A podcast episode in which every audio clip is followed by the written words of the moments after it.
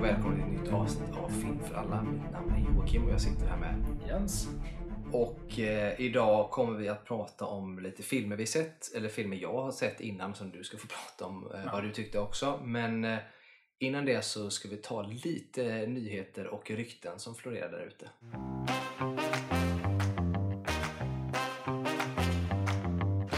Ja, och eh, de rykten som vi lite grann kanske kan börja med, eller vi kan börja i det här nu att vi har ju haft, och när avsnittet sänds så vet vi inte om det är avklarat eller inte, men vi har ju haft en manus, eh, eller har en manusstrejk Ja. just nu i USA och det har ju inte, inte första gången Nej. eh, det händer. Och det handlar ju eh, fr- framförallt, eller helt enkelt om rätt kompensation till Mm. manusförfattare. Helt enkelt.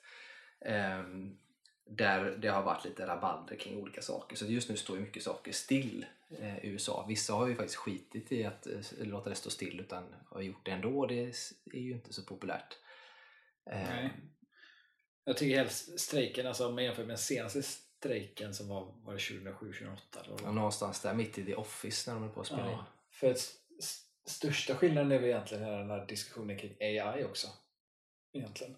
Eh, för där, är det ju, Ja. där vill ju själva facket där, Writers Guild of America, eh, de vill ju få in eh, i avtal att AI inte får användas. Medan eh, bolagen där vill ju få in att, att manusarbetarna ska liksom vara med och liksom hjälpa till att lära AI-program.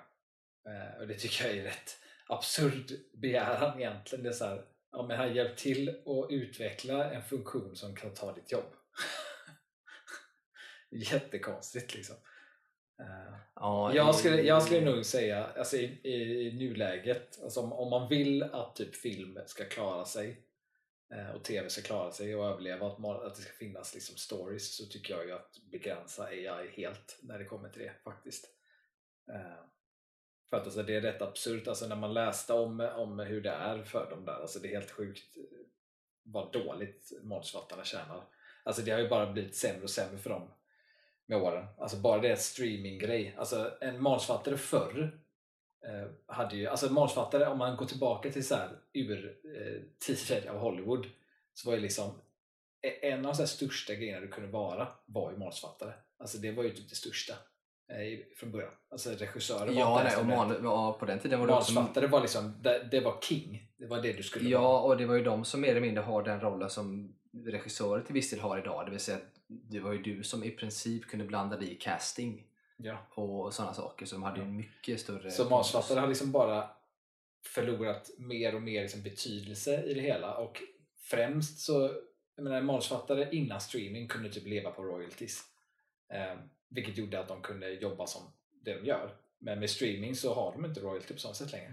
Eh, vilket gör att det var ju som, jag kommer inte ihåg vilken manusförfattare det var men det var ju någon där under detta som hade berättat en historia om eh, att han, han är ju manusförfattare på en sån här gigantserie som vunnit massa priser och eh, går svinbra för. Jag kommer inte ihåg vilken serie det var, jag vet inte som han nämnde vilken serie det var.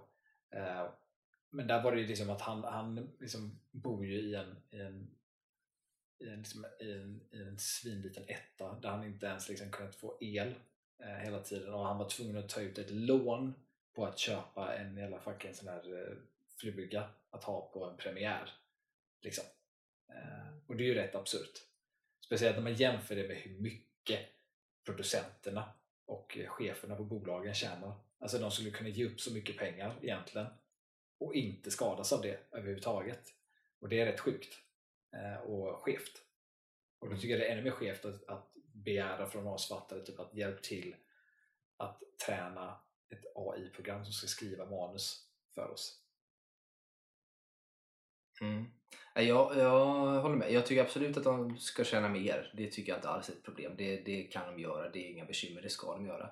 AI tycker jag är ingenting som jag tycker att alltså produktionsbolagen, om man tar arbetsgivarperspektivet från produktionsbolagen då, om man säger det så, så tycker jag inte att det ska vara deras grej att ta. Däremot så hade jag ju sett att manusförfattare i sig eh, kanske i högre grad väljer att ta hjälp av AI. Ja, alltså vill, Alltså, det ja, kan ju vill, deras vill en manusförfattare ta hjälp av det Ja, så är det ju upp till dem. ja men precis. Så att Ja. det ligger i deras händer att de vill göra så. Det, det tycker jag ju kan vara rätt. Och sen så det kan ju vara ett verktyg. Liksom. sen så småningom så kanske det blir mer liksom, automatiserat, att det, att det blir bra att använda sig av AI. och AI kan göra mycket. Och kanske kan, till och med kan göra allt. Men jag tror alltid att eh, även om AI skriver, om man, man har en idé, om man skriver att jag gör en scen med det här, jag tänker de här skämten, så sätter AI ihop någonting bra. Men det kommer alltid krävas ett mänskligt öga att se Mm. över det. Och där, dit kommer vi kanske komma så småningom, men där är vi inte nu. Men i det här perspektivet så ska det underlätta för dem som på arbetstagarsidan, Mm. manusförfattarna, att göra sitt jobb genom att ta hjälp av AI. Men det ska inte läggas på för några som vill att de ska liksom hjälpa dem att ta fram någonting Ja. som gör att de förlorar sitt jobb. Det är jättemärkligt. Ja. Eh, så så att den är, det är konstigt. Vi hoppas att det löser sig. De, de, de förtjänar ju, det är liksom tack vare dem som vi har allt bra som vi har idag. Det är ju mycket manusförfattare. Eller mest, det är ju bara Ja, manusförfattare. men det är så, alltså, jag vet ju att de här eh, toppfolket där i bolag, de, de vet ju hur skit manusförfattarna har det. Och det har de ju vetat länge för att de har ju en tendens till att, att, eh, att få alltså, ta in manusförfattare och skriva manus som läggs på hylla. Eh, så de har ju mängder i storage liksom, av manus som inte gjorts för att de bara ligger och väntar. Så det hände ju förra strejken också, där att man tog fram manus som redan skrivits liksom, för att det fanns inte manusförfattare då. Eh, och det är också, känns ju som att det är det de vill göra med AI också, att de vill liksom kunna skapa manus när det inte funkar längre typ. Eller när det kommer en strejk igen eller något sånt där, att de förväntar sig det. Och det är så här, det är som att de försöker sätta ett plåster på ett eh, avkapat ben eller någonting. Ja, nej, men precis. Nej, men jag håller med. Jag tycker att eh, man behöver se till, avtalen behöver ju vara så pass bra också. För att jag menar om du då, vet jag inte hur det funkar, det är ju så olika beroende på vilket avtal man kan skriva. För det kan vara så individuellt. Men jag tycker någonstans ändå att om du eh, om du liksom får ett manus och så säger vi att du skickar det, säg att du, bara som ett exempel, du skickar det till Warner Brothers. Mm. De köper ditt manus. Eh, då kan jag tycka att det manuset, då har de rättigheterna till det i x antal år. Typ två år eller någonting. Så måste de göra någonting av det. Eller något Men liknande. det, det, det har de, Ja, jag vet att det är till viss del så. Men det är just om de inte gör det in-house. Nej, och Kom, det, Får de in ett manus så, så köper man rättigheterna under en viss tid. Ja.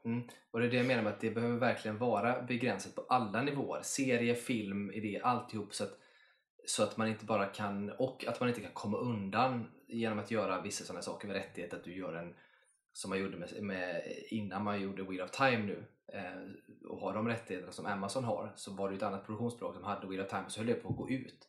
Och då gjorde, spelade de in en sån där eh, en scen som de sände sent en kväll på en kanal. Mm. Bara för att skulle vara- och det var en rätt bra scen, den var rätt cool. Man hade gärna sett en film med det men, eh, eh, men eh, det, det var Billy Zane bland annat som var med i den och spelade skitcool karaktär. Men, eh, och då kom de undan med att kunna behålla rättigheter och det där vill jag ju få bort. För att antingen gör du det eller gör du inte och det är lite svårare kanske men jag tycker ändå någonstans att har du sålt ditt så ska du, alltså då blir man ändå glad tänker jag som, som har fått sitt sålt och att det ska bli någonting av det. Men om du då har ett produktionsbolag som sitter, ja men det är inte läge nu, så har du 10-20 år, du harvar, du kan inte betala en fluga till en premiär, du kan inte göra det ena eller det andra. Nej, men då ska du kompenseras rikligt för det. Då ska det finnas en sån utköpsklausul att ja, men du får inte tillbaka det, nej men då får du 5 miljoner eller, eller någonting. Ja, Så att det finns där. Så att de inte kan liksom bara samla på sig massa och sitta på det där sen. Då. Så det finns ju mycket i det här som behöver stärkas rättigheter för, för manusförfattare. Det finns ju säkert andra grupper också men just i det här så handlar det om manusförfattare. Då. ja alltså det, ja, det är så många delar egentligen i liksom filmproduktion som är, är skevt. Men jag tycker just det här manus, det, det är på något sätt så himla respektlöst. Att Mm. liksom sitta, sitta och, och, och tjäna, tjäna, tjäna så mycket pengar också som att vara toppcheferna. Liksom. Eh, och begära att, att manusförfattare ska liksom jobba för svinlite. Och det, det är ju ändå grunden att, att utan manusförfattarna så hade de ju inte haft något att spela in. Och då hade de haft sina pengar. Jag tror man, man underskattar många gånger manusförfattare och det ligger väl kanske också lite grann i tiden när det varit mycket med där det varit mycket att det handlar om eh, sådana här överordnade personer som, eh, som i Marvel med Kevin Feige eller du har showrunners för olika serier, att de får en över, liksom, betydelse Ja. mer än manusförfattare och att det liksom, betydelsen av dem blir liksom mindre på något sätt. Eh, men det är ju inte sant. Man underskattar ju hela den, den biten. Eh, för manusförfattare är, är, är superviktigt. Sen är det klart att jag förstår att om AI kan göra mycket där, om man har en bra showrunner som kan ta fram grejer med, med AI och få fram ett manus. Det är väl, jag förstår ju den tanken också, att det kan ju effektivisera och göra saker och ting bättre och, och liksom för dem och allt sådär. Men, eh, men jag tror ändå att när det kommer till kreativt, alltså överhuvudtaget, även om en AI kan göra det skitbra på många sätt så tror jag att vi kommer alltid ändå att behöva ett mänskligt öga. Det tror jag.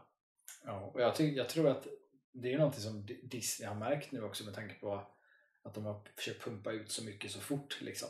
Mm. Eh, och många i allmänhet streamingställen har märkt också att de pumpar ut mycket. Alla går ju tillbaka nu. Så att, att det här att försöka effektivisera och, och, och göra att saker ska gå fort och göra har ju visat sig att det inte lönar sig för publik längre. Alltså folk, folk vill ju inte bara ha för att ha längre. Eh, det blir, har blivit för mycket.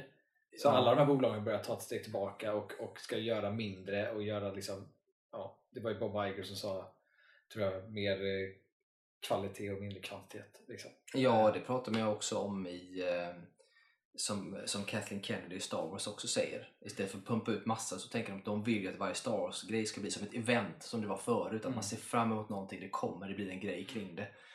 Um, så, istället för att pumpa ut liksom, eh, liksom trilogi, den senaste trilogin och filmer däremellan och serier. Det blev så mycket av alltihop utan att det mer blir nu ett stort event, nu är det här som gäller. Uh, och jag tror att det ligger någonting i det och jag tror också att eh, AI som det ser ut idag, även om det kommer förbättras och bli bättre hela tiden, så är det så att AI för, lär sig av oss. Mm. Uh, och det vill man med manusförfattare också men, men grejen är att om man följer hur det ser ut idag med film som ska vara så lättillgänglig som möjligt, eller serier som ska vara så lättillgänglig som möjligt, så innebär det att vi kommer ha rätt tråkiga serier och filmer. Kommer aldrig kunna bryta det mönstret i så fall, för mönstret kommer alltid följas av den här AI då, som att det är det här som säljer, det här som görs då. Va? Och då kommer det ändå krävas, om man vill ha förändring på det sen när man märker att siffrorna dyker, så kommer det ändå behövas manusförfattare som gör en ändring i en annan riktning sen. Så ja. det kommer liksom aldrig försvinna. Det kommer ju, jag, blir så nojig att det kommer bli för att alltså, redan nu när det bara är människor som gör det så är det ju mycket som inte är så originellt. Man har ju sagt ända sedan hur lång tid tillbaka som helst att alla berättelser har ju berättats egentligen. Ja, okay. Bara att vi berättar om dem.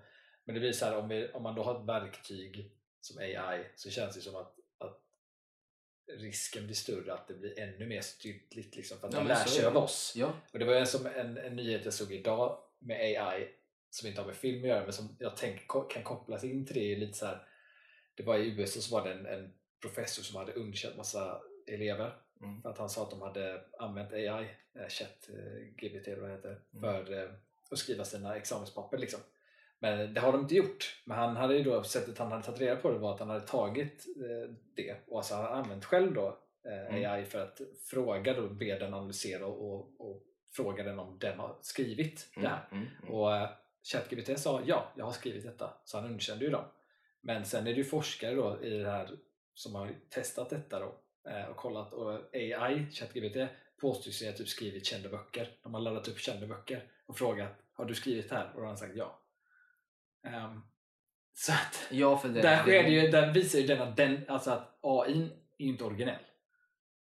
Nej precis, men det som är grejen för du kan ju fråga sig vem har skrivit den här boken och den skulle svara att ja men det är Edgar Allan Poe som skrivit den och så vidare. Då. Men om du svarar har du skrivit det här då blir det, om man tänker sig att man är en AI som ska tänka så blir det automatiskt att om du läser det och skriver, och, och, och skriver ut det sen eller ska svara på det och tänker eh, så blir det automatiskt att även om du inte har skrivit det så har du skrivit det. Så du kommer få svaret att den har skrivit Ja men det blir ju så eftersom att den tar ju all information. Det är ju som det här när man säger jag kommer inte ihåg exakt vad uttrycket är men det här med att om man sätter hundra apor eller vad fan det är i ett rum så efter, eller man sätter en apa i ett rum och så efter ett visst antal år så till slut ja, ja, nej, skrivit. Men, ja, men det brukar man ju säga. Till och med, till och med ett, eh, som ett, ett gäng apor med tillräckligt mycket tid skulle kunna få ihop en, eh, ett klassiskt verk. Eller liksom exakt, så här, exakt. Som bara slår på random tangenter. Så, så att om AI då liksom analyserar allt som har skrivits så kommer clienten ju då få ihop allting som har skrivits och kommer då anta att den har skrivit det. Ja precis, exakt. Det var bra förklarat. Bättre än vad jag gjorde. Men det var precis det jag menade. Eh, så, att, så är det. Eh, nej men det är krångligt det där ty- tycker jag, men vi kommer aldrig komma undan att eh, vi kan göra så. Man kan tänka på det som en stor, alltså tänk en jättestor tunnel som man går in i. Och Mm. när man först började titta långt tillbaka på grekernas tid med berättande av historier och, och som sen började skrivas ner så var den här tunneln stor och man kunde titta runt i den och se lite olika saker. Och ju mer vi gått framåt i tiden så har den där tunneln bara blivit smalare och smalare och Mm. smalare och smalare. Och med AI som skulle då hjälpa till att skriva manus så kommer det bli så här trångt som fan i den här tunneln. För det kommer bara rikta sig Ja, åt ett exakt. enda håll. Ja. Och inga andra vägar ut. Och då kommer vi behöva manusförfattare som kanske vet, slår ett hål i den här tunneln och Mm. gräver sig åt ett Mm. annat håll istället. Då. Så att, eh, jag tror inte att det är hållbart och jag håller på manusförfattarna. Ja, Så får jag hoppas. Men, Hoppas eh, strejken tar slut fort också för att jag eh, alltså förra strejken, alltså åren, typ Mm. två, tre åren efter det, fyra kanske till och med, det var ju inte de bästa filmerna någonsin.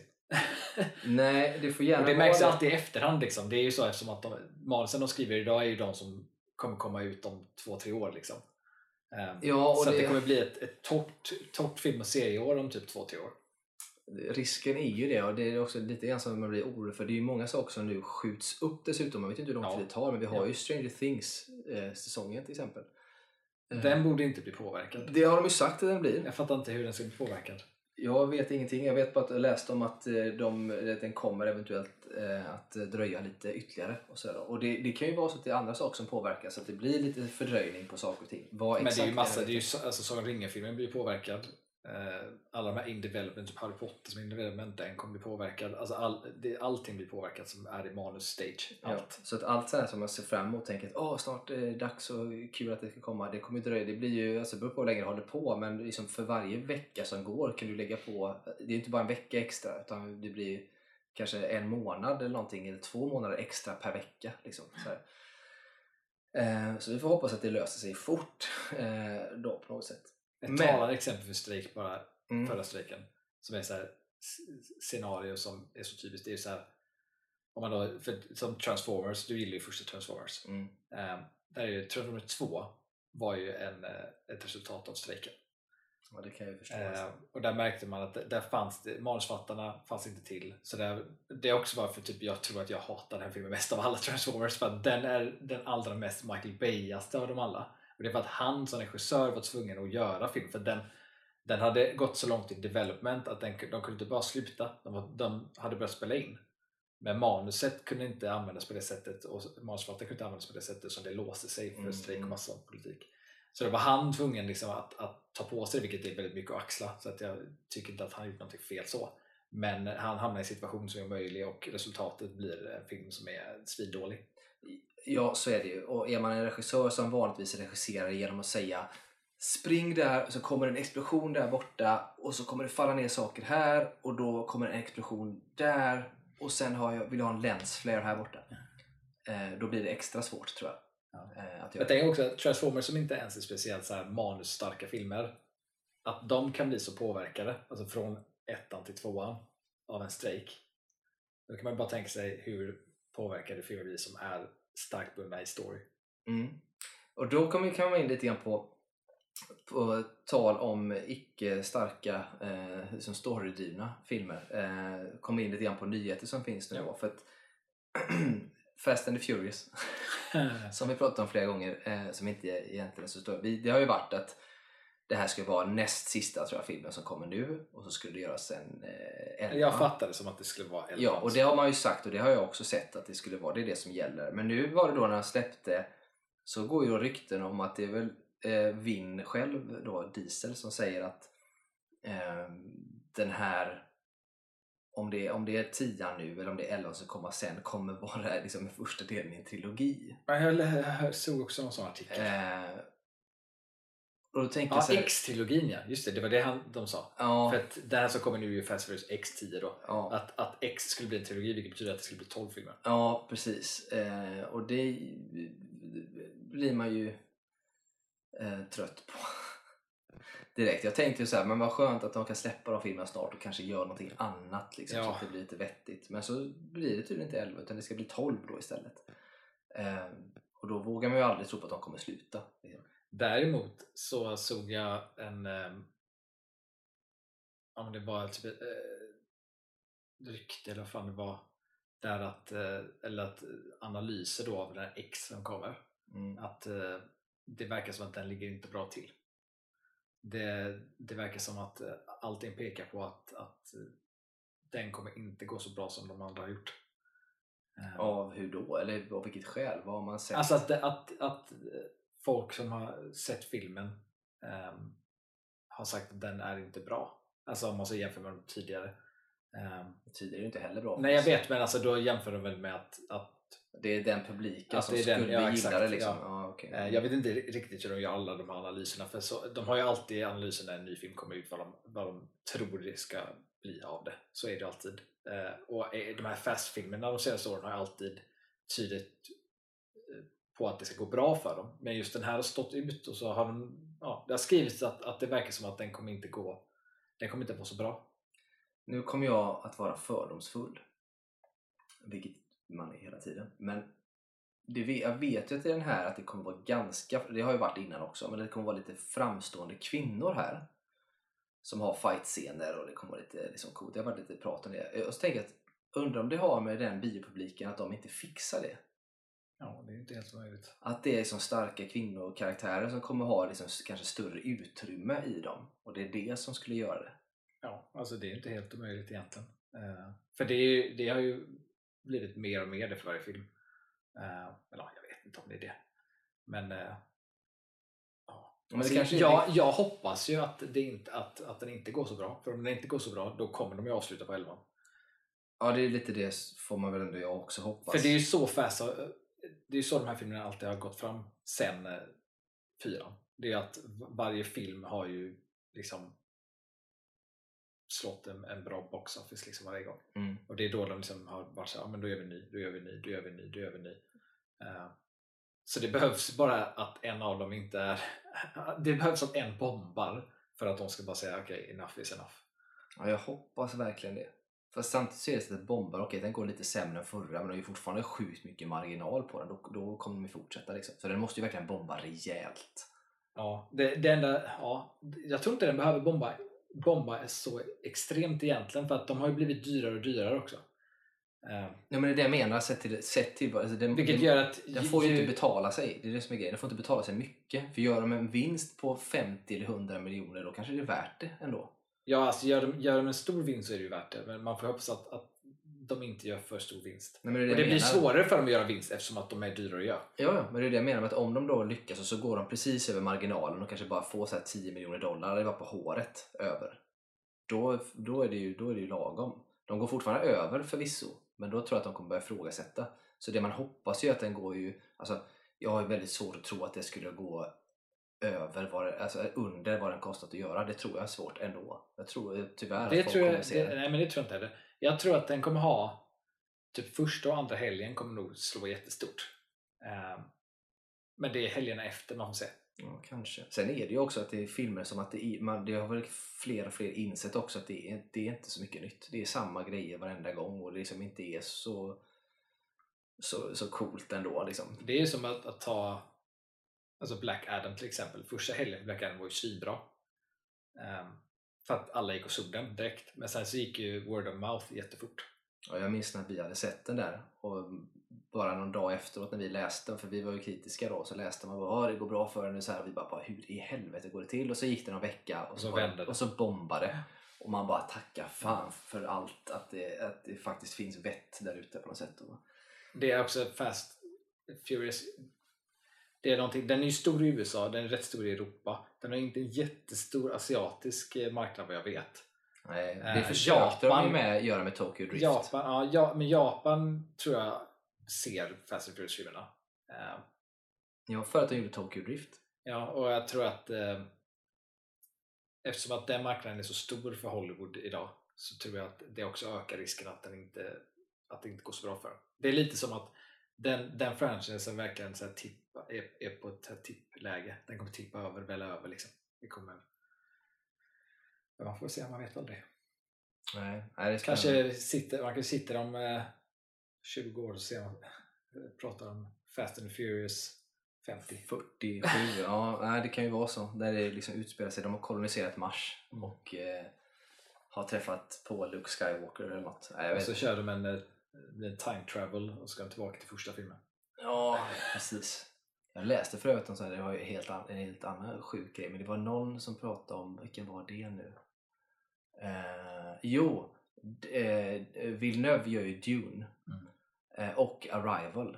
Mm. Och då läste jag en analys och en teori som någon tyckte var coolt om det stämmer. Och det, här, det var att eh, de är i samma universum. Ja, okej. ja. Eh, Bara, att, bara rent löst så av vad jag kan komma ihåg av Rival så är det så här, ja, jag kan ju ändå fatta att folk kan, kan dra kopplingar. Ja, men jag var så att okej, jag ska läsa det här. Så läste jag själva liksom, den här, det var ju en krönika eller man säger av någon då. Så läste jag och tänkte, vad undrar vad det är för kopplingar? Och grejen är att det är jävligt lösa kopplingar. Det var ju lite grann så time travel och sånt då, för det nämns i någon bo, någonstans så finns det. Men just det här med att de här som kommer i Arrival är ju, liksom, de lever i en sån här gas eller dimma de här. Mm. Och de sägs ju då komma från fram, eller de vill ha hjälp om 5000 år. Alltså något sånt där. De vill liksom inte ha hjälp Mm. nu utan det, och det är ju lite tidsgrejer i Arrival också. Och att det här, eh, den här gasen de har, det sätt de är på, eh, att det sen leder fram till de här då som, som eh, i Dune så finns det ju de här som styr skeppen som blir höga på spice. De här ja, spicet för att kunna navigera sig runt stjärnsystem.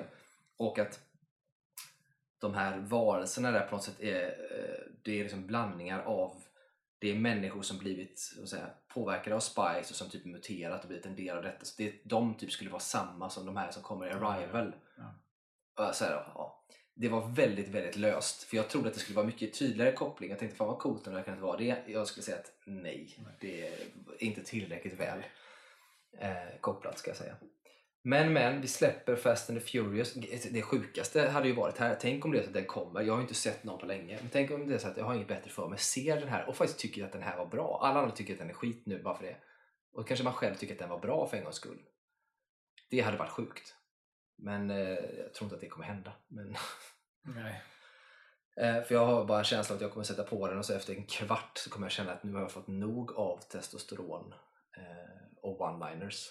Typ. Ja, jag kommer ju se, se filmen någon gång. Ja, jag är... Det är bara för att jag har, fast, jag har ju fastnat i det hela Fast and Furious. Ja, jag vet. Att jag har sett alla. Så jag behöver se, jag behöver se jag nästa vet, också. Jag vet, jag vet. Men jag kommer vänta tills den kommer ut på streaming. Jag, Jag ser se det bio. som att du har hamnat, du har, det är någon form av handikapp. Det är liksom, du har blivit hjärnskadad. Ja. Det är liksom, För jag tycker inte, alltså det är grejen att när jag tittar på mig, jag tycker inte att det är bra. Alltså, jag, jag, jag, alltså det, det är lite som någon form av så här ska, alltså självskade. självskadebeteende. Ja. Ja. men jag, jag fattar, jag har ju också haft sådana när jag tänkte jag, jag måste se det för att jag ska se det. Liksom. Eh, Så. Det förstår jag. Men, men just Fast and Furious var en sån här, efter jag tittade på sjuan, där kände jag att det, nu går det inte mer. Alltså jag, jag, då har jag varit helt ointresserad. Jag, typ, alltså jag har ju typ känt så sen typ sjuan också egentligen. Men jag kan inte, jag måste typ göra det. Ja, nej, för mig har det, där var det nog. Jag, det var en gräns. Annars har jag andra sådana där jag liksom känner att ja, men det här kommer jag se ändå. Men inte här faktiskt. Eh, bra, men vi släpper Fast and the Furious i alla fall. Mm. Och så går vi in lite grann på, nu kommer vi komma in lite grann för det var ja vi kom in på hela tiden men det var ändå ett tag sedan vi pratade lite grann DC och Marvel och de här grejerna. Eh, och det finns ju lite grann på i Marvel nu, det rör på sig jättemycket där överhuvudtaget men det har ju varit tal om Fantastic Four eh, som ska liksom komma in i Marvel Cinematic Universe nu. Ehm, och det har ju gjorts en med, med gamla Captain America då, alltså Chris Evans som spelade Ja. eh, The Human Torch. Vi hade Jessica Alba som spelade, ehm, eh, vad heter hon? Ehm, Invisible Woman. Invisible Woman ja, men jag kommer inte ihåg vad hon heter, själva huvudkaraktären. Susan Storm. Susan Storm, ja precis. Och så hade vi Reed Richards som spelades av han den brittiska skådespelaren som jag alltid glömmer namnet på. Och eh, Michael Chiklis var The Thing Ja. där i den. Och den gjordes ju på början på 2000-talet, eh, någonstans där. Eh, två... du, du vet, jag måste bara... Nu blev det jätterolig koppling här till vårt förra avsnitt som Mm. var Blues Brothers. Eh, för där pratade, där nämnde vi om, eh, eller nej, först en koppling till idag kom jag på med eh, strejk och rättigheter Mm. och sånt. För där är det en koppling till Fantastic Four, för det är en sån film som gjordes för att inte förlora rättigheterna för massa, massa år sedan. Det gjordes en Mm. svindålig version på 80-talet tror jag, eller 70-talet. Ja, just det. När det gjordes bara, bara för att inte förlora rättigheterna för att folk skulle ha kvar dem. Så det är en rolig koppling till det. Den är jättedålig. Ja. Och sen Michael, vad heter han? Michael Chiklis. Ja, där finns det en rolig koppling till eh, John eh, Belushi. Belushi. Att han, han spelar John Belushi i en film om honom. Ja, det kan jag tänka mig. Ja, det visste jag inte, men jag kan tänka Som många i Hollywood, jag läste lite om den filmen, många i Hollywood, eh, han visste ju, han var helt ny då, den Mm. skådisen, eh, när han fick den rollen. Han visste ju inte eh, ramaskriet kring det. Alltså att, att det var så många som här toppfolket i Hollywood som inte ville att den filmen skulle göras. De var såhär, vi vill inte, sen vet inte jag hur filmen har blivit, den verkar inte ha gjort någon jättestor påverkan på något sätt. Men där var det verkligen så här att han blev typ för att det är som blacklisted på grund av att han, han tog sig an det typ ett tag. Mm. Ja, Bara rolig koppling. Ja, det är kul. Det visste jag inte. För han gjorde ju... Eh, det han var mest känd för innan var ju den här en, en Shield. polis... Nej, en polisserie som gjordes innan där han spelade en... Vad hette den? Jag kommer inte ihåg vad den hette nu, men det var en polisserie där han, du vet, han hade hår, han var lite halvtjock och sådär. Så var ganska Ja. mysig polis. liksom. Innan Shield alltså? Ja, ja, gud ja, långt innan. Som gick på, jag tror att det var på 90-talet någon gång där, som inte jag kommer ihåg vad den heter nu, så här, kommissarie bla bla bla. någonting. Okej. Så utspelar sig i så här. Och där var han liksom en, en mjuk far, alltså far, mycket så här Mm. på ett helt annat sätt än man är van vid. Där han var alltså nästan som en liksom, töntig, liksom, snäll polis men ändå lite smart och sådär. Eh, mer som någon eh, ja, lösa brott på daglig basis, sån här liten dramaserie, eller så här Mm. dramapolis komediserie som gick i som 20 avsnitt och sådär. Eh, liksom tangerar ju många av dem som gjordes då på något sätt. Det var en helt annan. Sen helt plötsligt dök han ju upp och gjorde Shield Mm. efter, må- efter, efter många år. Ja, och efter många år. Och helt plötsligt där var han liksom skallig. Han var, istället för att han skulle ses som lite mullig så var han mer liksom, stark och tränad hållet sådär. Mm. Även om han inte var liksom Han var ju en tough sätt. guy. Ja men precis, på ett helt annat sätt. Alltså, tänk dig, ja, det är verkligen en så här 180 graders vändning från den här andra serien han var med i. Eh, där han helt plötsligt blev sjukt brutal, vilket jag tyckte var så intressant. Och sen så blev han då här, och nu har han ju mer den stämpeln på sig. Mm. Eh, vilket är lite roligt. Eh, så. Men hur som helst, jag ska inte Ja. prata fastna i det. Men, Fantastic Four. men Fantastic Four pratas det ju om att det ska göras nu då. För den här, jag tycker ju själv att det som gjordes då med, med, med Jessica Alba och Chris Evans, alltså de här två som gjordes, det var ju Fantastic Four och sen var det ju Rise of the Silver Surfer. Jag tycker att de är rätt bra. De, de känns lite som att de skulle kunna vara i samma universum som Tobey Maguires Spider-Man. Eh, egentligen. Det är liksom gamla MCU. De eh, hade ju påtänkt cameo av eh, Hugh Jackmans Wolverine i första Ja, men de, precis. till, de spelade till och med in en Ja, scen, tror jag, jag. jag tror att det är så ja. Eh, och att det fanns ju ändå de tankar och det, det känns som att de lite grann, alla de här, både X-Men och, och Fantastic Four och de gamla Spider-Man med Tom Maguire känns som att de, de känns lite lika. Liksom. De har lite ja, samma, ja. Eh, skulle kunna vara samma universe men det blev aldrig någonting av det liksom, idag. Men de, jag tycker ändå att de är rätt bra, eh, underhållande. Liksom. Det är ju som inte katastrof på något sätt. Ehm, Sen gjordes ju ett försök att göra en Fantastic Four också, ska jag säga. Det var ju också så här sätt för att behålla rättigheter. ja, exakt. Eh, där de gjorde den här nya med lite yngre förmågor i. Eh, bland annat eh, han som spelar Goose son i nya Top Gun Mm. eh, är ju med i den och spelar ju då Reed Richards. Fast då går han ju från high school tror jag direkt till på någon forsknings, alltså college-grej Mm, och får ja. och så träffar han ju på Victor Von Doom och ja, det, det är liksom den kopplingen. Den sög så jävla hårt, tycker jag.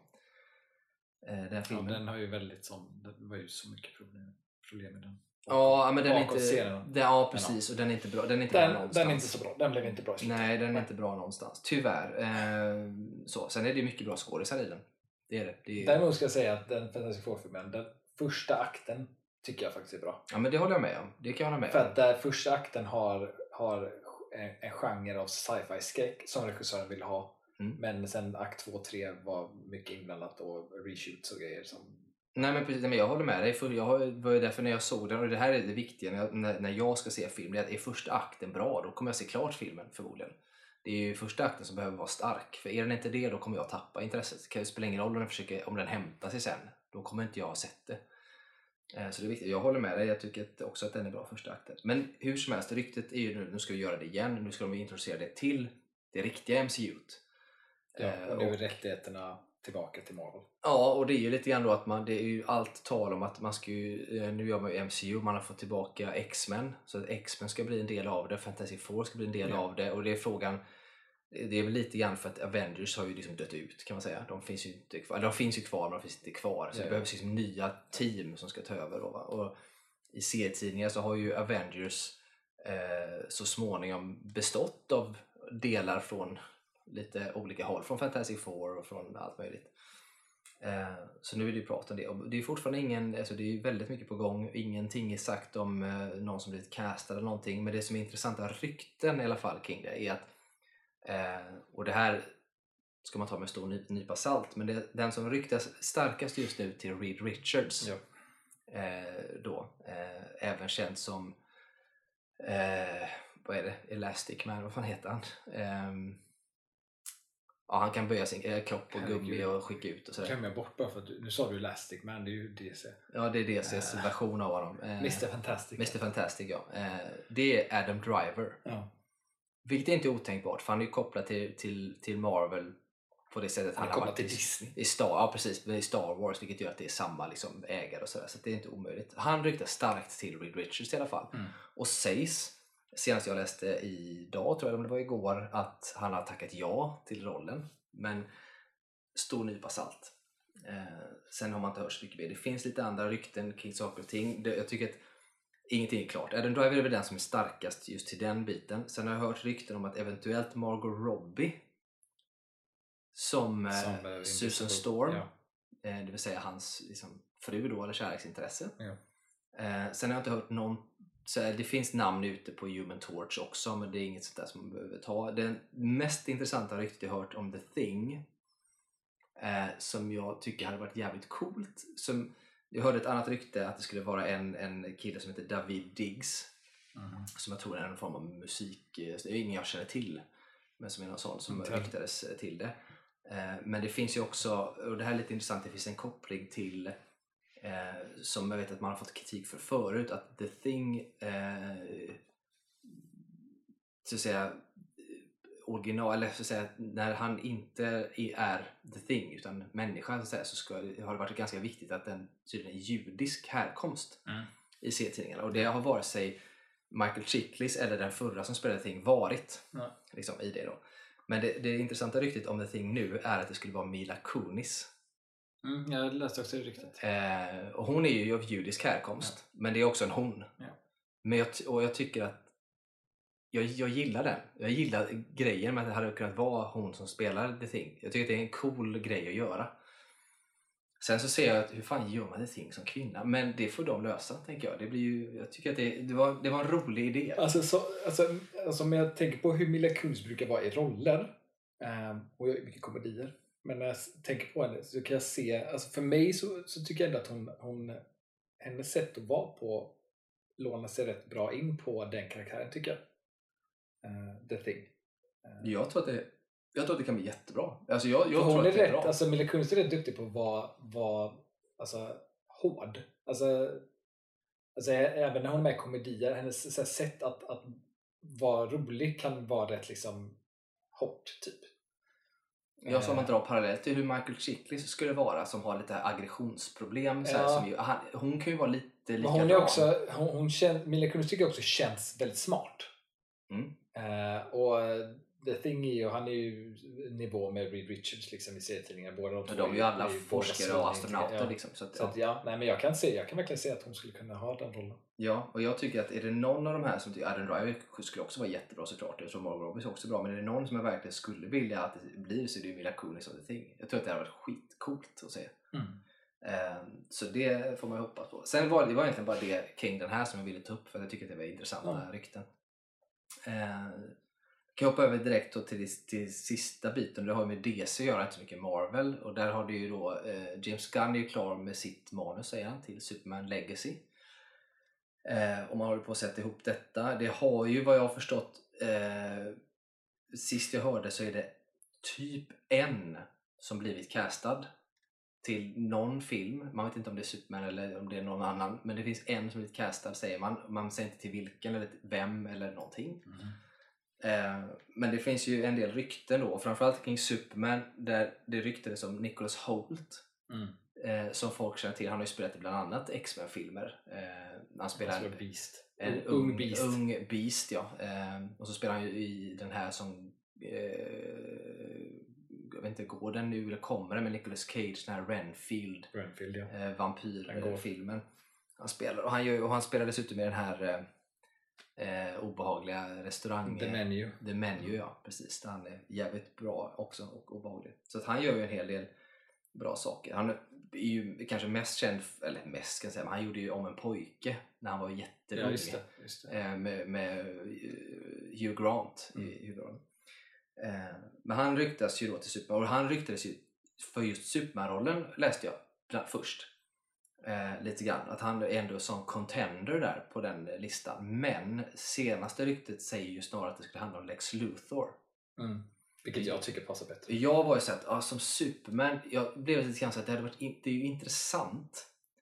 Men när de sen sa, alltså tänkte jag att men jag tror ändå att det finns bättre till Superman. Och sen när de sa Lex Luthor tänkte jag att ja, där, där hade han nog kunnat göra det jävligt bra. Mm.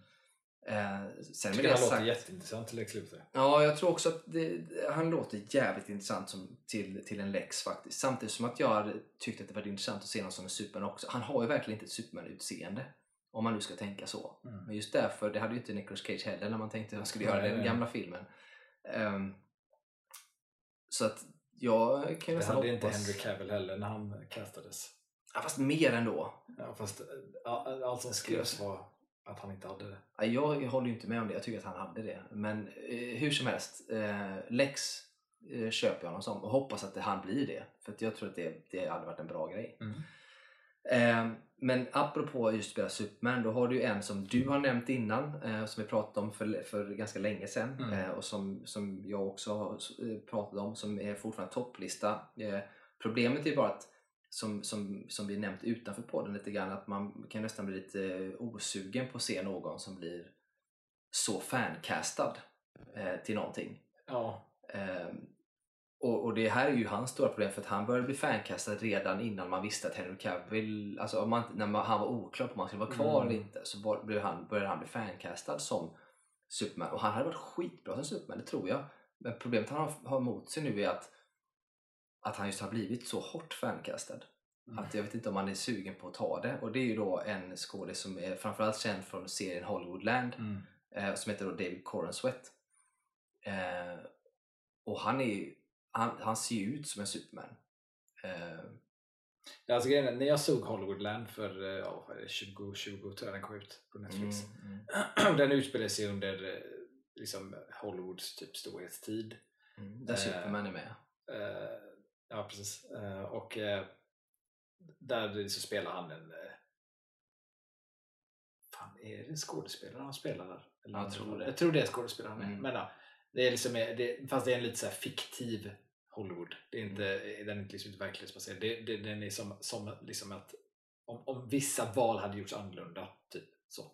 Men där kommer jag ihåg när jag såg honom i den eh, så sättet han, han, han var på och hur han liksom såg ut så såg jag hela tiden framför mig så här gamla alltså klassiska Superman alltså de här svartvita gamla Mm. eh, serien som gjordes. Alltså, jag såg den typen av Superman framför mig också på grund av att Hollywoodland utspelade sig under den perioden så såg man liksom den, den här liksom typiska liksom, som alla refererar till när de pratar om Superman även i serietidningar liksom, så refereras jag tillbaka till den typen av Superman.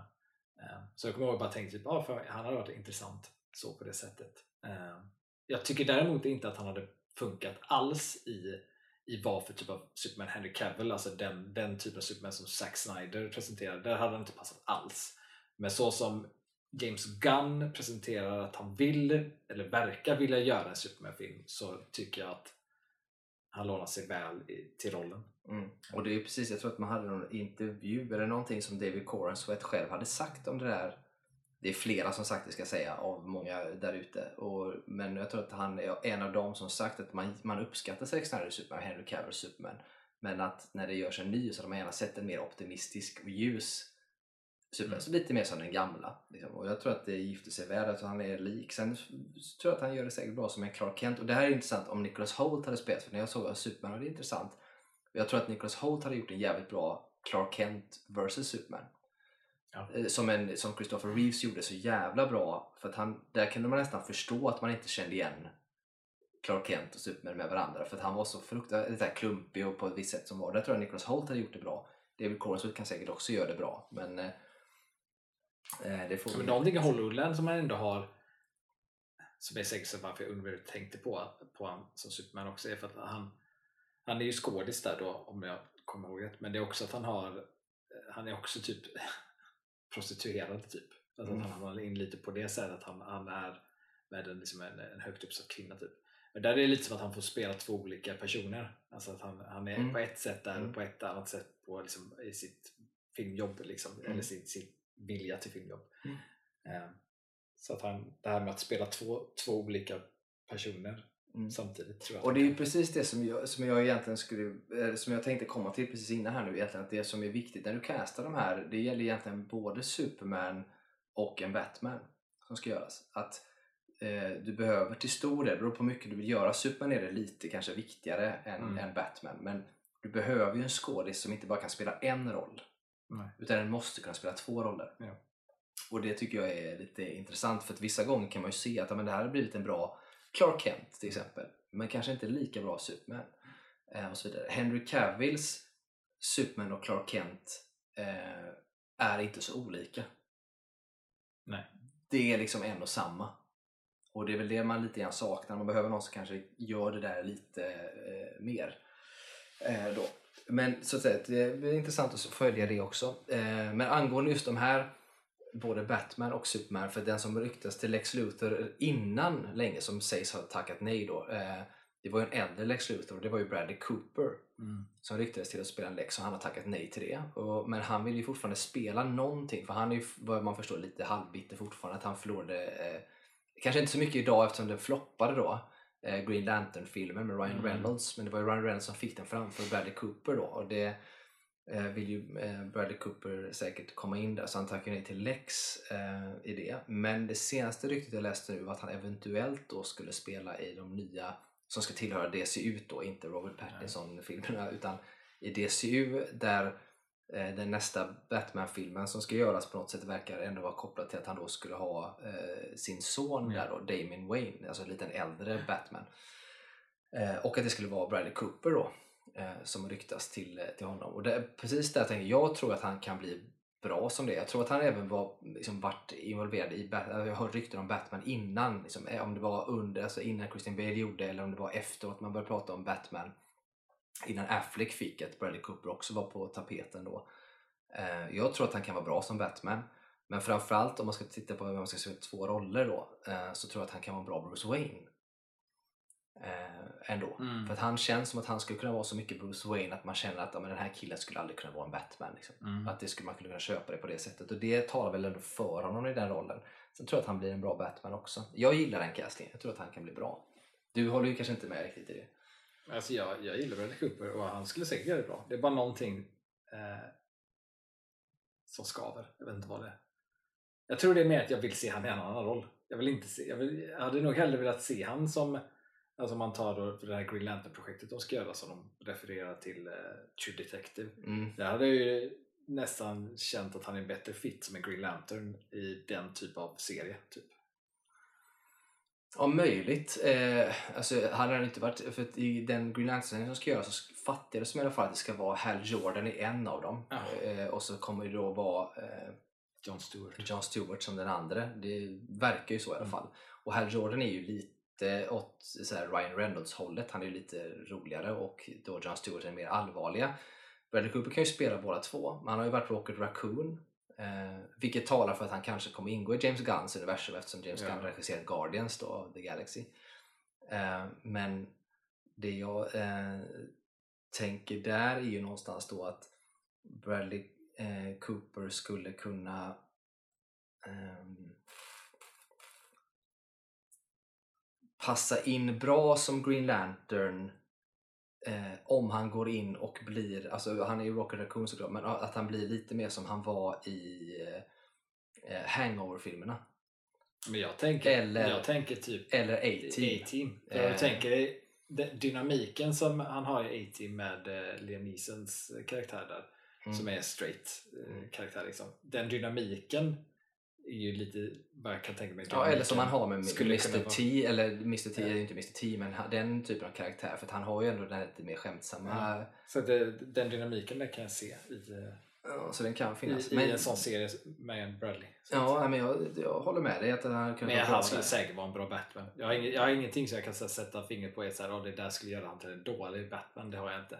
Det är bara att jag tror att jag vill hellre se han i en annan roll. Nej, jag förstår vad du menar. Jag tror att han kunde bli bra Batman. Jag hade absolut inte tyckt att det var en illa casting om han skulle få det. Samtidigt så tror jag, om man ska vara så här så tror jag att det finns jag tror att det kan finnas mer intressanta namn för en Batman än Bradley Cooper. Men jag tror ändå att det skulle vara bra med Bradley Cooper. Så ska, kan Mm. jag säga. Det ska bli intressant att följa det också. Mm. Det var väl egentligen det vi hade på nyhetsfronten. Ja. Går vi in och pratar lite grann om eh, det senaste vi har sett. Ja, och vi kan väl egentligen börja med det senaste vi sett. Jag pratade lite kort om Peter Pan eh, Mm. och Wendy, eller Peter Pan och Lena. Lena som den heter på svenska. Eh, som jag hade sett och kanske inte var, alltså jag tyckte den var okej men det var vissa brister då kanske i den. Men då kan vi börja med, nu har du sett den. Mm. Vad, eh, vad säger du om den? Jag, alltså jag tycker att det, det är ändå en av, för grejen jag gillar ju inte eller jag tycker att den, den tecknade Disney-versionen av Peter Pan tycker jag är rätt alltså, tråkig. Jag tycker inte den är så bra. Um, och jag tycker att den här filmen var ändå en av de bättre live action adaptionerna de har gjort faktiskt. Um, jag, jag, för när du pratade om det så pratade du om att du tyckte att själva karaktären Peter Pan-karaktären var lite svag. Och det kan jag hålla med om helt och hållet. Han, uh, han, är svag och jag tror inte att han är svag på grund av... För jag tycker jag såg väldigt mycket potential i den skådespelaren. Eh, jag tror att han blev svag för att det blev... Eh, han var inte huvudkaraktär. Vilket var att du, häng, du följde inte honom i, eh, i, liksom, vad ska man säga, i hans i hans plottutveckling, du följer inte Peter Pan utan allt du får reda på som har med Peter Pan att göra får du reda på via Wendy. Eller Hook? eller Hook, men mest via Wendy. Liksom. Mm. Att, att det är någon som lär sig någonting om honom. Så istället för att, att, att vara med honom när vi får reda på saker som liksom har någon form av känslomässig connection mellan honom och Hook så är man inte där och upplever hur han så jag känner på det. För jag känner den, den grejen de bygger upp mellan Hook och Peter Pan jag tycker att det hade nästan varit en, en mer intressant film att berätta det. Absolut. Ehm, vilket gör att det, det, det föll lite där. Och att hela payoffen med att, eh, att han, att han liksom kommer tillbaka där i slutet, Peter Pan där, blir inte lika stark eftersom att vi inte fått vara med honom när allt det här liksom blir en realization utan det är mer bara en, en sak man säger till publiken och så dyker han upp. Utan man, man hade behövt liksom jag tror, jag tror till och med typ flashbacks hade hjälpt i det och stärkt det. Eh, man hade behövt liksom visa mer och säga mindre typ. Ja. Eh, Men det var men jag väl tycker en- att det är en helt, en helt okej film. Alltså, jag tycker att den, den var ändå så pass underhållande att jag liksom satt och, och såg hela filmen rakt av. Mm. Rätt liksom, roligt. Så jag tyckte, någonting jag tyckte de failade lite är att det är ändå Neverland. Mm. Eh, de hade liksom kunnat, typ, det här är ju tekniska, de hade kunnat öka upp saturation lite grann i filmen. Ja, Typ, den, är lite, känns... den ser tråkig ut. Ja. Den känns inte magisk. Den ser nej, inte magisk nej, men det kan jag hålla med dig om. Att det känns som att där hade de kunnat, de kunnat få till magin i Neverland lite mer. Ja. Absolut. Eh, om man ska vara på det. Men det var ju precis det som du sa som jag också menade. Mm. Eh, att i det. Sen är jag fortfarande inte övertygad om, för jag tycker nog att skådisen kanske är lite svag ändå. Men jag tror att det har mycket med det att göra också, att man inte följer det riktigt. För det var ju precis det jag menade, att man får inte riktigt den här känslomässiga payoffen. Jag tycker att man märker i, i slutet när de ändå slåss med varandra och han inser att han har gjort fel lite grann, Peter då, att det finns den här, och Jude Law är skitbra också ska man säga, som Hook. Eh, men där tycker jag ändå att, att det ändå finns någonting där som blir bra Mm. i det. När, när man får följa honom och dem, deras dynamik mycket mer och, och i de bitarna. Men problemet är att man inte sett för, tillräckligt mycket av det. Man har fått med sig det vilket gör att payoffen på alla sätt blir inte så stark som, som man hade velat egentligen. Eh, så det är, en, det är en svaghet i den. Mm. Det var ungefär det jag upplevde också. Sen är det som sagt en ganska kul och sevärd film. Alltså så, eh, som ändå är helt, helt okej. Jag tror att, eh, jag tror definitivt, nu vet inte jag hur den, liksom, vad den har fått för betyg och sånt där, men det känns som en sån film som ha- hade jag varit barn och sett den så hade jag tyckt om den väldigt mycket tror jag. Ehm, Mm. och, och också därför jag egentligen hade önskat att den skulle varit lite mer färgglad. Alltså känts ännu mer barnvänlig på det sättet. Mm, Att- nej, jag håller helt med. Jag håller full, fullkomligt med det. För det kan jag också sakna, att det kändes lite för verklighets... Liksom, eh, Jag hade nästan velat ta, stil. ta eh, det här lite quirkiga från typ eh, live action versioner av Alice i Underlandet-filmerna. Tagit typ Underlands-quirkigheten och liksom tryckt in lite i Neverland eh, färgskalan där lite Ja, grann. Och ja. fått det kännas lite mer, li- lite mer annorlunda från verklig, vår värld så att säga. Ja, men precis. Nej, eller, eller bara ta lite mer inspiration från det, alltså Robin Williams Hook-film Ja, som man gör. För där är det ju verkligen liksom dragit upp saturation. Det känns mycket mer magiskt Ja. på något sätt. Jag tror att man har eh, absolut kunnat göra det bättre för att få lite mer den känslan.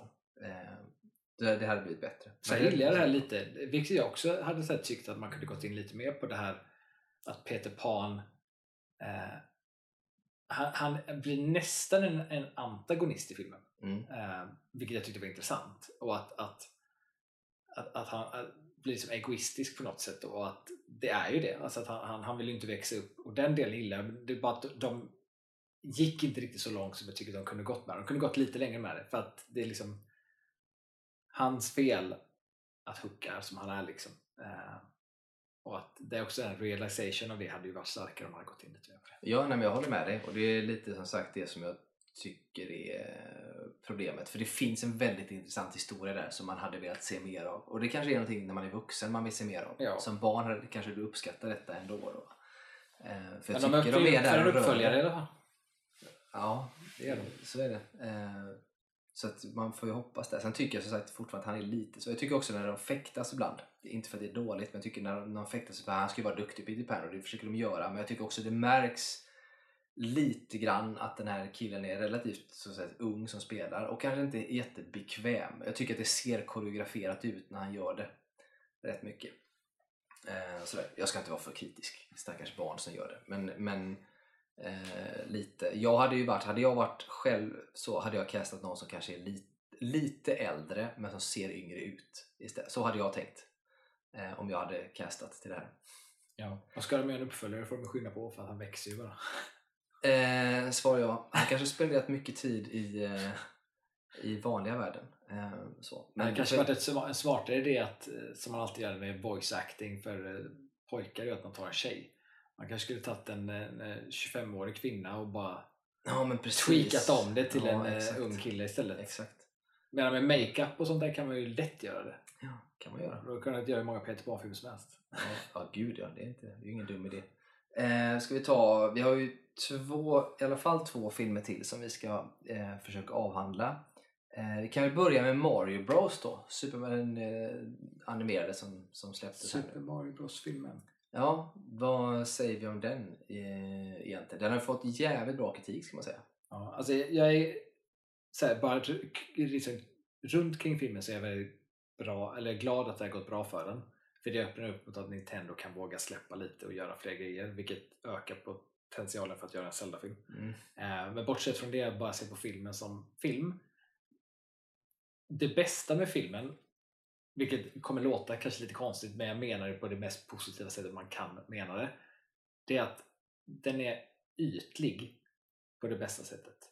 För att, och, det, och det gör den väldigt trogen till vad Mario är som spel, alltså grunden. För Mario-spelen har alltid varit ytliga, det har aldrig varit speciellt mycket lår i det. Det har liksom bara varit liksom det har verkligen varit spel som bara är till för mekaniken av att spela. Liksom.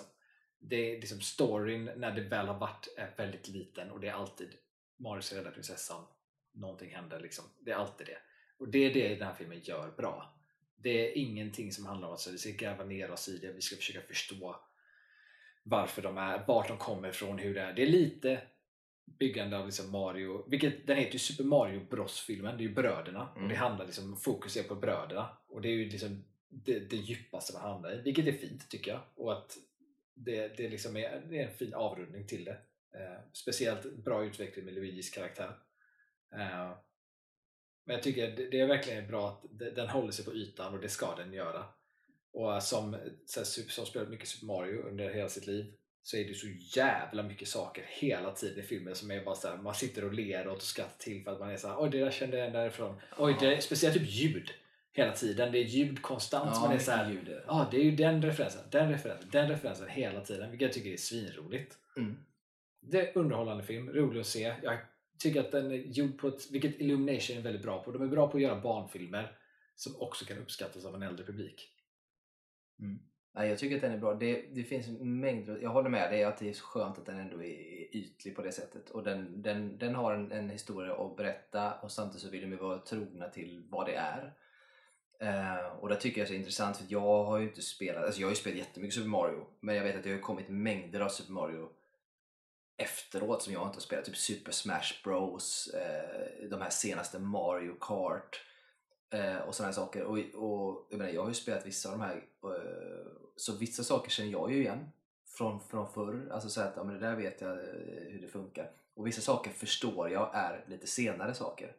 Eh, jag menar hela fighten som man har med Donkey Kong, det är ju Super Smash Bros eh, aktigt liksom. Eh, Ja, det, är, det, ja det, det är det ju. Men också väldigt, hela grejen bara kopplat till eh, alltså första Mario. Första Kong-spelen. Ja, Alla ja, tillbaka visst till är det absolut så. Eh, Men det är mycket sådana, i, princip hela tiden, Mm. blinkningar till, till eh, alla olika typer av spel. Inte, ja, bara, inte bara Mario där, inte bara Mario, utan det är saker Donkey som är kopplat till Mario på något Ja, det är sätt. Donkey Kong, det är alla de här sakerna som dyker upp, vilket är Alltså man känner igen så mycket i Ja. det. Och så, de gör det bra, det är dessutom eh, både musik och ljud från Musiken, jag är spelen, jätteglad spelen musik. Eh, som är med, ska jag säga. Och dessutom så har de ju lagt in musik som är populärmusik. Typ som James Gunn har gjort i Guardians of the Galaxy. Det, det, det gillade jag. Som också gifter sig så jävla bra Ja. med Jag resten. gillade att det var så mycket, också att det är så mycket liksom äldre musik.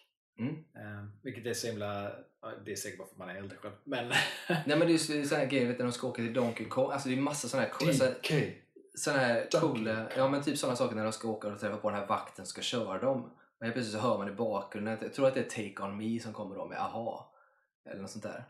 Jag kommer inte ihåg om det var Ja, men det. är- ja fast det, de har ju, ja, och så den här äh, älskar de har Men så hör man ta på sig- träningssekvensen är ju nice med I need a hero. Ja precis, och det är de här bitarna som kommer just med det här. Jag vet att det, det är så coolt för det är verkligen så klassiskt. Bara så hoppa in och så den här stora apan sitter där och tar på sig Ja. solglasögonen och så kommer den här vet, klassiska 80-talslåten och så börjar de åka iväg och så händer grejer som ser ut som när man spelar Mario Kart. Ja, ja, liksom, ja. och sådär då. Eh, så det är som en blandning av allt det här nostalgiska från spelen blandat med sjukt bra musik, alltså populärmusik, framförallt 80-tal eh, då. Eh, som är väl en flört till att det kommer ju typ från 80 Ja. Först är väl 89 va? Eller 87? Som det släpps. Det ja, är, jag nog, minns det är nog ännu tidigare. Ja, Jag mig att första Zelda är 87 och Mario kom innan. Ja, det är möjligt att det 85 är så. kanske. Ja, det kanske är så. Men det, det är i alla fall liksom ändå tydligt. Det är bra att man håller det i 80-talsmusik för att det är även någonstans där Kul det är. också alla yngre som ser Mario nu, då kommer de liksom, vet, de kommer inte kunna låta bli att gilla låtarna och så kommer de kolla upp och så kommer de lära sig en massa bra musik också. Ja, ja, gud ja. Nej, jag tycker att den är skitbra och det fanns ingen, och det, jag älskar ju också att det blir så här meta för det var ett gnäll på rösten. Ja. Och det här är så intressant för att jag undrar om de så här, har de lagt till i efterhand de här sakerna som har att göra med hans sätt att prata eller, eller rösten eller, eller var det tanken från början? Det måste ju varit en tanke från början. Jag tog tanken från början. För att det går inte, du kan ju inte gått in och ändrat i efterhand för det är ganska mycket, jag ska inte säga inte kritik men de lyfter ju ändå att han inte pratar som han gör. Ja, ja. Och att han gör det ibland, att det finns den biten med. Så det är ändå så här, åh, Super Mario! Du vet, så håller på, de- det är, ändå, det är ju med. ja, det är med. Men det finns en förklaring till varför det är med och varför man inte Ja. pratar så. Och, alltså, Men sen var det också att folk klagade ju på det här att de bra. åh i trailern, alltså det, det var ju så tunt i trailern för att det var ju så lite man såg. Men där var det ju folk som sa såhär, åh han låter inte som han är från Brooklyn. Men det gör han ju definitivt. ja, gud ja. Det gör han absolut. Ibland, ibland till och med, ibland tycker jag att han lät lite för mycket som att han var från Brooklyn. Ja, ja, det finns ju absolut. Han låter ju väldigt mycket Brooklyn, det får man ändå säga. Det gör, gör de allihop. Och grejen är så att man, om man tänker på det och bara bortser från det. Jag kan inte påstå att jag känner att ah, det här låter som Chris Pratt.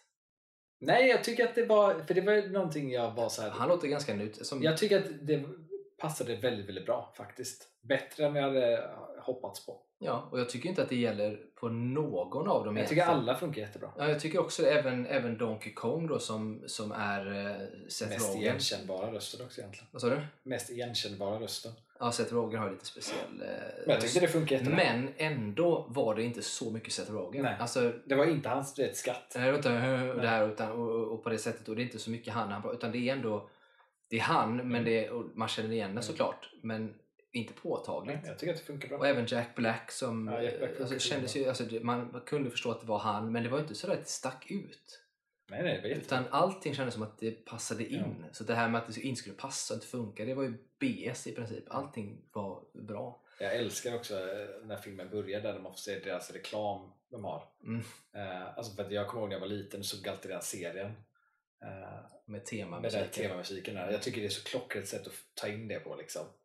Ja, Jag tyckte det också Jätteroligt. var bra. Och den är ju, den är ju lite check den musiken. Ja, alltså ja. Den, det temat och den här, liksom den, jag tycker att den är bra. Men det, det var mycket sånt. Den är ju oerhört skickligt gjord. Jag gillar också den här lilla referensen man ser eh, i, i den reklamen så ser man ju i slutet av filmen där att de båda två eh, liksom är så här flygande som den här gula kappan Mm. som är från Super Mario på eh, Super Nintendo där, han hade den. Super Mario 4 Ja. blir det, tror jag. Eh, ja, Det det hette väl, det hette, vad fan hette det då? Det hette, eh, jag tror bara att det hette Super Mario World. Just det, så hette det. Och jag älskar bara den. Alltså det är alla, alla de små referenserna. Och jag tänkte bara, det måste vara så jävla kul att ha gjort i den här filmen. Alltså både som manusförfattare men också bara som liksom designer och allting. Att, att ha så mycket att plocka av. Ja, gud, Det är ju ja. så många år och, av och, bara att slippa saker och, och att slippa tänka på att du ska göra just en djup eller Ja, att det ska finnas exakt. förklaringar på saker och ting. Utan bara kunna harva det lite grann på ytan och göra det roligt. Ja. För att jag tycker att den, är, ja, den är, jag tycker att den var riktigt bra alltså. Någonting jag tyckte också var bra, alltså jag tyckte Mario-karaktären var också bra gjort för jag var lite så nojig av att det skulle vara så här att han skulle vara vet, det klyschiga så här att ja, nu är det en huvudkaraktär som inte vet vad han gör och så kommer han lära sig vara en hjälte. Eh, men det jag tyckte de gjorde väldigt bra med Mario-karaktären är att han, han är liksom motiverad från start. Han, han vet ju vad han vill. Mm. Sen hamnar han i en värld där han inte vet hur han ska hantera saker. Han får lära sig göra det. Men det är inte så att det är någon liksom jättestruggle för honom att göra det utan han gör det för att han måste göra det. Och det är lite så Mario egentligen är i spelen. Alltså så som man är när man spelar Mario. Det är att ens poäng är att man ska vara den som räddar. Och det är hans poäng också. Mm. Bara att hans motivation då är till är hans bror från start. Vilket funkar väldigt väl till att motivera den karaktären till att bara fortsätta hela tiden. Mm. Vilket också är så här, det är ju när man spelar Mario, man dör ju hela tiden.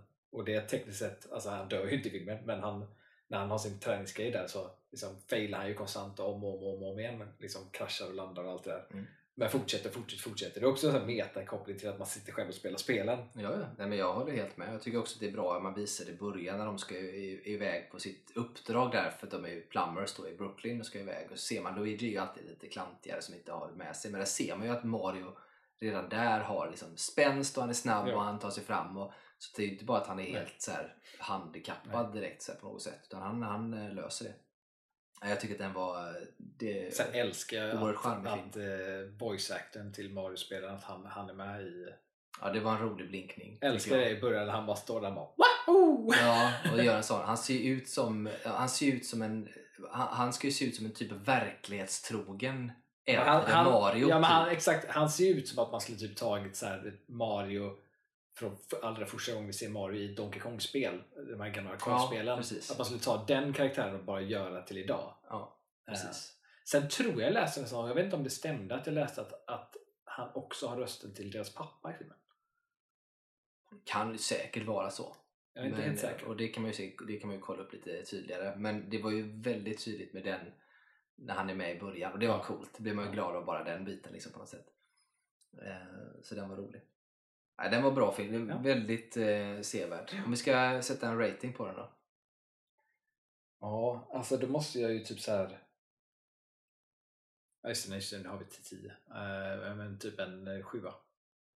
Mm, det är rimligt. Jag tror att jag landar på en sjua också. Det är rätt, eh, rätt lagom. Det är liksom inte, återigen så är det, inte, det är ingen djup eller liksom så här briljant film som man kan tänka sig att man skulle göra på olika sätt då. Men den är verkligen, alltså, en sjua är liksom nästan en max vad en sån här typ av film skulle kunna få. Liksom, Ja. egentligen. Eh, så så att, nej, den var... Jag tycker att den var underhållande på samma sätt för mig som Lego-filmen var underhållande för mig. Ja, men jag För förstår det är också massa referenser till liksom Lego. Ja, nej, men jag förstår precis vad du Ja, menar. också Chris Pratt. Mycket sånt är det. Ja, det är Chris Brown. Han är ju Batman va? Nej, han är Lego. Är Han han är? Lego-huvudkaraktären. Ja just det, det är ju han, han som är Batman som har haft rösten till Batman. Eh, han, han spelar ju med i Turtles-filmerna. Ja skitsamma. Vi ska inte gå in på det. Arnett eller vad fan Ja precis, eh, Will Arnett. Han spelar ju Arrested Development. eh, Ja precis och i, Jump. i de eh, Turtles-filmerna. Han Ja, spelar vet, den här, kom, i de nyaste som gjort. Ja. Ehm, ja men sjua, Ja. det blir bra. Det är Bra. bra. Eh, bra. Sista filmen för idag som jag sett är ju Dungeons and Dragons. Ja. Honor Among Thieves. Ja. Med ytterligare en Chris i, fast Chris Pine den här Ja. gången. Bra ändå på något sätt. Vad, vad passande det blev att det var Mario-filmer och Dungeons Dragons på ett sätt. Båda baserade på tidigare spel. Mm. Där, där kan jag säga... alltså dock, där, dock är det ju skillnader på spel och spel. ja, ja, ja, det är det. Men att båda har så mycket historia att ta ifrån. Mm. Men där är Dungeons Dragons. Jag, eh, jag tyckte att det var en, en underhållande film. Den var rolig. Ehm, Det var liksom bra blandat av humor, av action, av fantasy-element och allt sånt där. Mycket glimten i ögat sånt. Eh, Men där, till skillnad om man jämför med Mario egentligen, där för mig, är att det kändes som att det var mycket jag inte fick ut av Dungeons Dragons. För att det känns som det var mycket referenser till saker som jag inte hängde med i Mm. som är, är referenser till spelen. Liksom, som jag tror, för det såg jag också, jag, jag såg någon sån, något klipp på Youtube Shorts med någon eh, så här, tjej som eh, älskar Dragon, Dungeons and Dragons som hade varit sett filmen och att hon sa då att, att liksom på ytan att det är en väldigt bra film och den är rolig och allt sånt där. Eh, Men också att det fanns jättemycket som hon som fan då reagerar på och tycker de hade fört in väldigt väl och det är de delarna jag tror jag missade som hade förmodligen höjt filmen lite mer för mig. För den blev för mig lite, lite ytlig. Just för att jag tror inte jag kunde hänger med i allt. Vilket är lite synd. Mm. Jag förstår vad du menar. Jag tänkte, när jag såg den tänkte jag på samma sak. För jag har ju inte heller, jag har ju spelat lite Dungeons and Dragons rollspelet. Jag har läst eh, någon av böckerna som finns som skrivet. För det finns jätte, jättemycket skrivet runt omkring i böckerna och det har gjorts eh, eh, alltså rollspel från början. Sen har man gjort de här Baldur's Gate-spelen som är på liksom PC eller på dator och, och numera på konsol också som då eh, eh, utspelar sig i den här världen. Så det finns jättemycket lore runt omkring alltihop. Så att, och jag har gjort det lite grann, inte alls mycket. Så det är ju vissa saker jag också missar som jag förstår när jag ser det. Att det här är någonting som folk känner till. Ja, för det är vissa här mi, minipauser ibland. Det som att, som att man liksom har man förväntar sig att, att folk som känner till kommer känna till där. Och när, när det Mm. är sådana stunder så är jag så här. Ja, jag vet inte vad jag ska känna till. Ja, nej men, nej men lite så är det ju. Samtidigt så är det vissa saker känner jag igen och tycker det är lite kul att man får typ se eller, eller eh, liksom på något sätt uppleva och sådär. Eh, vilket jag tycker är coolt. Sen så är den ju precis sådär som lite grann som Mario också var, Mario Bros-filmen, att den är sådär lagom ytlig. Den är inte sådär superdjup. Jag tycker inte att det behöver vara det heller. Det är det som jag tycker är så skönt med den. Eh, och jag tycker ändå att den är bra trots att jag vet att jag inte hänger med på alla referenser. Det är ju mer roligt sen när jag kan kolla upp lite grann referenser efteråt vad det var för någonting. Eh, och jag kan ju liksom se fram emot att åh, hoppas de gör mer filmer i detta universumet för jag vet ju vissa karaktärer jag skulle vilja se eh, dyka upp eh, så småningom eh, i detta. Så jag, men jag tycker att den var bra för mig. Jag tyckte den var sk- skitbra. Jag tycker det är så skönt när det kommer filmer som inte är för, för djupa på det sättet. Mm. Det finns ändå en bra story med det är glimten i ögat. Sen är den ju också, det som jag tycker är roligt, att den är meta på det sättet den också eh, ifrågasätter sig själv och hur typ magin och sånt ibland fungerar. Ja, ja. Eh, typ som att man, kan, man får ställa vad det, fem frågor till lik Ja. som man väcker. Varför är det bara fem? Ja. Liksom. Ja, det, är så här, det är ju en rollspelsregel. Det, Den- det tycker jag, den tycker jag så var skitrolig. Eh, och det tycker jag är så här klockrent, eller så här roligt att de ändå, men varför är det fem? Varför är det för, det finns liksom begränsningar och det, finns ju, det behöver man inte förklara. Det är Nej. bara att i rollspelet så är det så att när du gör den här spellen då får du ställa fem frågor till. Och det där tycker jag är lite roligt. Ja, man det är det roligt. det är liksom lite- Synd om han som inte får frågor så att han Ja, kan som dö igen. kvar. Så kan jag ställa den sista frågan och bara oh shit. Och så sitter han. Det tycker jag var så roligt. Det insåg man ju direkt att det, här, det kommer ju vara någon som blir fast. Liksom. Ja, han sitter där i sin lilla grav och inte får lägga sig tillbaka. Ja, men det, jag tycker att den var bra. Jag, uppskattar den väldigt mycket. Eh, Men det är saker kring typ eh, faktiskt. Alltså själva teamet liksom. De har ju olika, som sagt jag har aldrig spelat Dungeons and Dragons. Men det, teamet där, jag fattar ju det, de är ju som olika typer som man kan väl vara antar jag. Ja, ja, gud ja. Eh. de, de är ju i princip som att du skulle, om du själv spelar ett rollspel så blir det ju ett gäng som sätts ihop så här och inte helt ovanligt Ja. att man blir typ de här karaktärerna. Ja exakt och det, det var lite det, det som det var för mig som, som jag inte riktigt eh, fick fäste i där. Det är typ som han, han som dyker upp där som är så himla duktig. Jag kommer inte ihåg vad han hette. Som- Ja, precis. Han som hade spelar- varit eh, sån på de bad Ja, guys. precis. Som spelar För att där som- fattade jag som att det är en referens där i efterhand då att, att den typen av karaktär Alltså när man väljer den arketypen så är man ofta väldigt, väldigt mäktig typ. Mm. Och det är ju så här, hade jag varit medveten om det så hade jag ju fått ut mer av det när jag såg filmen liksom. Mm. Eh, där var det för mig lite mer Alltså jag fattade ju det men det var också lite för mig lite mer att han bara gick iväg sen inte är med. Det, det är ju säkert en referens på något sätt som jag inte hänger med i. För att jag fattar inte riktigt varför han inte fortsätter vara med dem egentligen. Jag tror refer- eh, det, det som jag, nu ska jag inte säga att det, jag svär på att det är så, men det som jag tolkar som att, det är, att han inte är med så mycket är just för att han är inte en del av rollspelsgruppen. Han är en NPC, liksom. han är en non-playable character.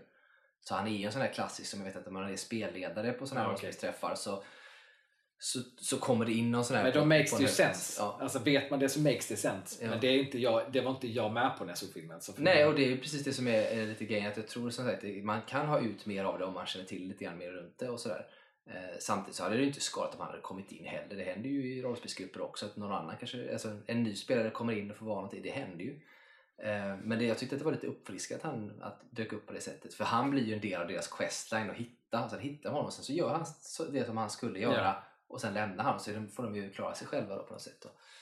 Eh, Men det, det, jag tycker att den är väldigt charmig och har du spelat rollspel överhuvudtaget eh, och kanske då eh, Dungeons and Dragons då i synnerhet så, så kommer du ju älska filmen än mer. Mm. Men, men sett till att man inte vet någonting om någonting av det egentligen så är det ju ganska underhållande film ändå. Ja. jag. Alltså den, den vinner mycket på sin cast. Det gör den. Mm. Eh, och vinner mycket på eh, humorn i filmen. Väl använd humor. Och just kemin mellan, mellan alla. Den gör ändå en svår grej som, som ofta kan bli väldigt dåligt men de ändå gjorde bra. Det är att alltså, nästan alla i den här gruppen är ju roliga. Mm. Eh, vilket ofta kan bli lite för mycket. Men de är roliga på väldigt olika sätt. Mm. Eh, vilket funkar bra. Ja, och det är också lite så här klassiskt rollspelsgrej. För att du menar, om du är en grupp som rollspelare ska säga, så är det ofta så att alla har ju humor på något sätt. Men det blir oftast en quirkiness på varenda karaktär. Ja. Någon har någon typ av svaghet som blir lite rolig liksom, i detta. Och det tycker jag också att de målade upp så väl bland alla de här egentligen, att det, att det, att, att det blev så. Ja, Jag tycker att den var oerhört eh, charmig. Och sen jag måste jag säga att jag tycker ändå att de har ju extremt mycket lore att plocka av. Eh, och platser att besöka och allt möjligt. Men jag tycker ändå att de höll sig till lagom mycket. Det var inte så att de lyfte in stora moment. Det var samma sak, det här är ju en liten grupp som gör en ganska liten grej egentligen. Alltså så här, det är Mm. ingen stor superhjältegrupp. Nej, nej. Hade alla bestått av sådana här som han gästen som kommer in så Ja. hade det ju blivit ett mycket större Ja. liksom katastrof och det är ju lite coolt så småningom kanske också att göra något sånt men här var det verkligen en brokig skara precis som det är när man spelar också då Mm. att det blir eh, som ska lösa någonting då eh, och det, ja, jag tyckte det var jag gillar det att man inte överförklarar allt och det funkar som det gör du behöver liksom inte besöka jättemånga platser eller ta in hur mycket lore som helst för det finns sjukt mycket utan Mm. det var liksom hela tiden lagom fokus ändå på gruppens mål att de skulle framåt och sådär då. Så att, nej, jag tyckte att den var eh, riktigt, riktigt bra, underhållande. Mm. Jag hoppas att det kommer mer i den världen. Ja, jag skulle inte ha någonting emot att se en till. Sen vet jag inte, för det är också en sån sak jag tänkte på, för jag tycker att den är bra som standalone egentligen. Eh, Men jag hade velat se mer, men jag är också lite så här vill man se mer av dem eller se mer av världen? Ja. Eh, för det är ju en bra och cool grupp.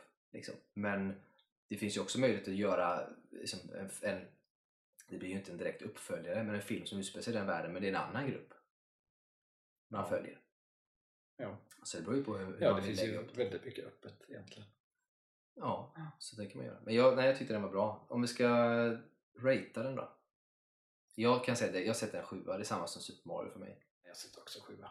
Li, lite svagare sjua än Mario 4, men det är en sjua. Mm. Eh. Jag tycker att det var Det är kul att den gått så jäkla bra också.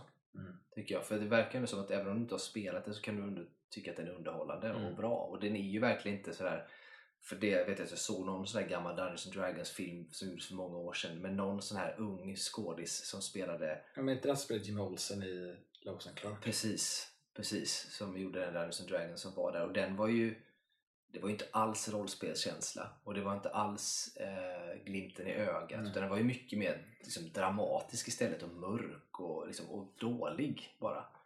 Ehm, Typiskt 90-tal. ja, lite så. 90-tals Eh, fantasy. Så den, den eh, var ju inte bra, så den här kan jag uppskatta på det sättet. Den var lagom av alltihop eh, egentligen. Men vi eh, släpper det, eh, tänker jag. Och så är vi nästan klara med dagens avsnitt. För då är det som sagt, vi har ju ingen, eh, vilket vi inte körde förra gången heller, någon sån här lek i slutet. Det är mest för att det inte ska bli för långa avsnitt ibland. Eh, eh, så, vi kommer inte ha något sånt heller. Men däremot så har vi som avslut nu då en, eh, ja, vad, säger vi, veckans film.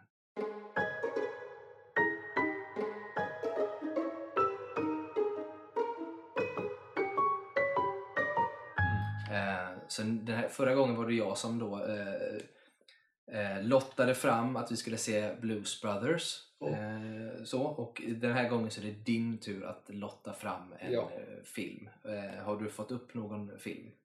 Jag ska trycka nu. Så att, eh, då väntar vi med spänning på eh, vilken film det kommer att bli som vi ska se och prata om nästa gång då. Speed. Speed, Keanu Reeves. Keanu Reeves. Det är bra. Det är inte så länge sedan jag såg den. Eh, Jag har nog inte sett Speed sen tidiga tonåren. Nej, jag, Nej, det, var, sena tonåren såg jag nog. det var inte så länge sedan jag såg Speed. Vad kan det vara? Två år sedan kanske? Men den, den är ju, den kan vara skitkul. Inte för att Blues inte, inte var kul, men den kan vara kul. Där finns, jag tror att det finns en hel del runt omkring den också som är lite intressant. Mm. Bra, kul! Speed till nästa Speed. gång. Yes, yes. Då så, då får ni helt enkelt lyssna nästa gång när vi ska prata om eh, Speed. Så eh, får ni ha det så bra så länge. Ha det bra.